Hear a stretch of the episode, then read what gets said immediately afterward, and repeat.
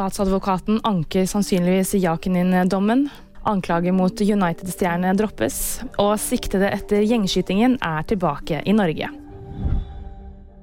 Statsadvokaten anker trolig Hålogaland lagmannsretts frikjennelse av Andrej Jakinin. Russisk-britiske Jakunin var tiltalt for brudd på sanksjonsforskriften som ble innført som en reaksjon på Russlands krig i Ukraina.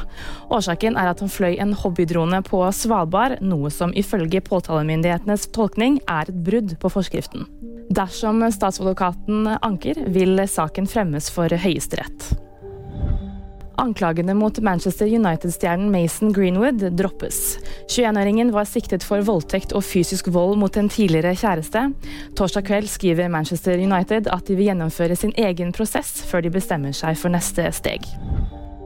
To av de siktede etter gjengskytingen i Oslo er utleverte til Norge. To menn er siktet for drapsforsøk eller medvirkning til drapsforsøk etter skyteepisoden ved Nationaltheatret natt til søndag 15. januar. De to siktede ble pågrepet av italiensk politi i Milano fredag 20. januar. Skyteepisoden er knyttet til gjengen Sadudara. Motivet for angrepet er fremdeles ukjent. VG-nyheter fikk du av meg, Anna Julie Bergesen.